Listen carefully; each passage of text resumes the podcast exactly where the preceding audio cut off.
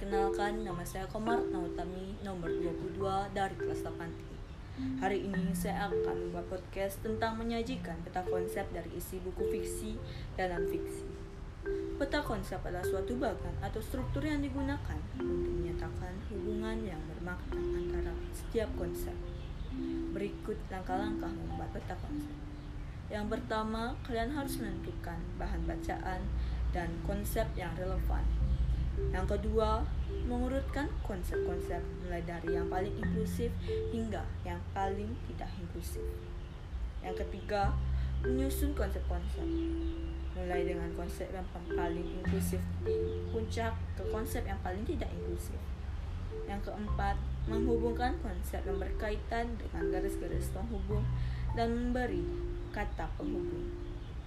Yang terakhir, mengembangkan peta konsep dengan menambahkan dua atau lebih konsep yang baru. Saat kalian membuat peta konsep, sebelum itu kalian harus membaca dan mengerti isi buku tersebut. Kegiatan membaca merupakan suatu keterampilan. Kemampuan membaca setiap orang pastilah berbeda.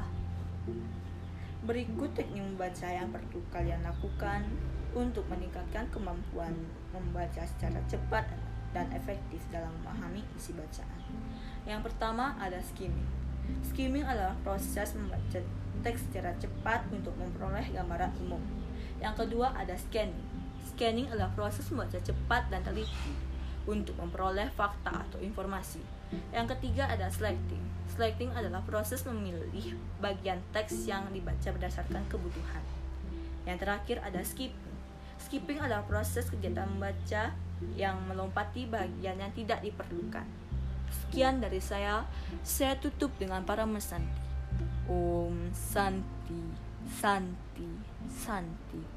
Om.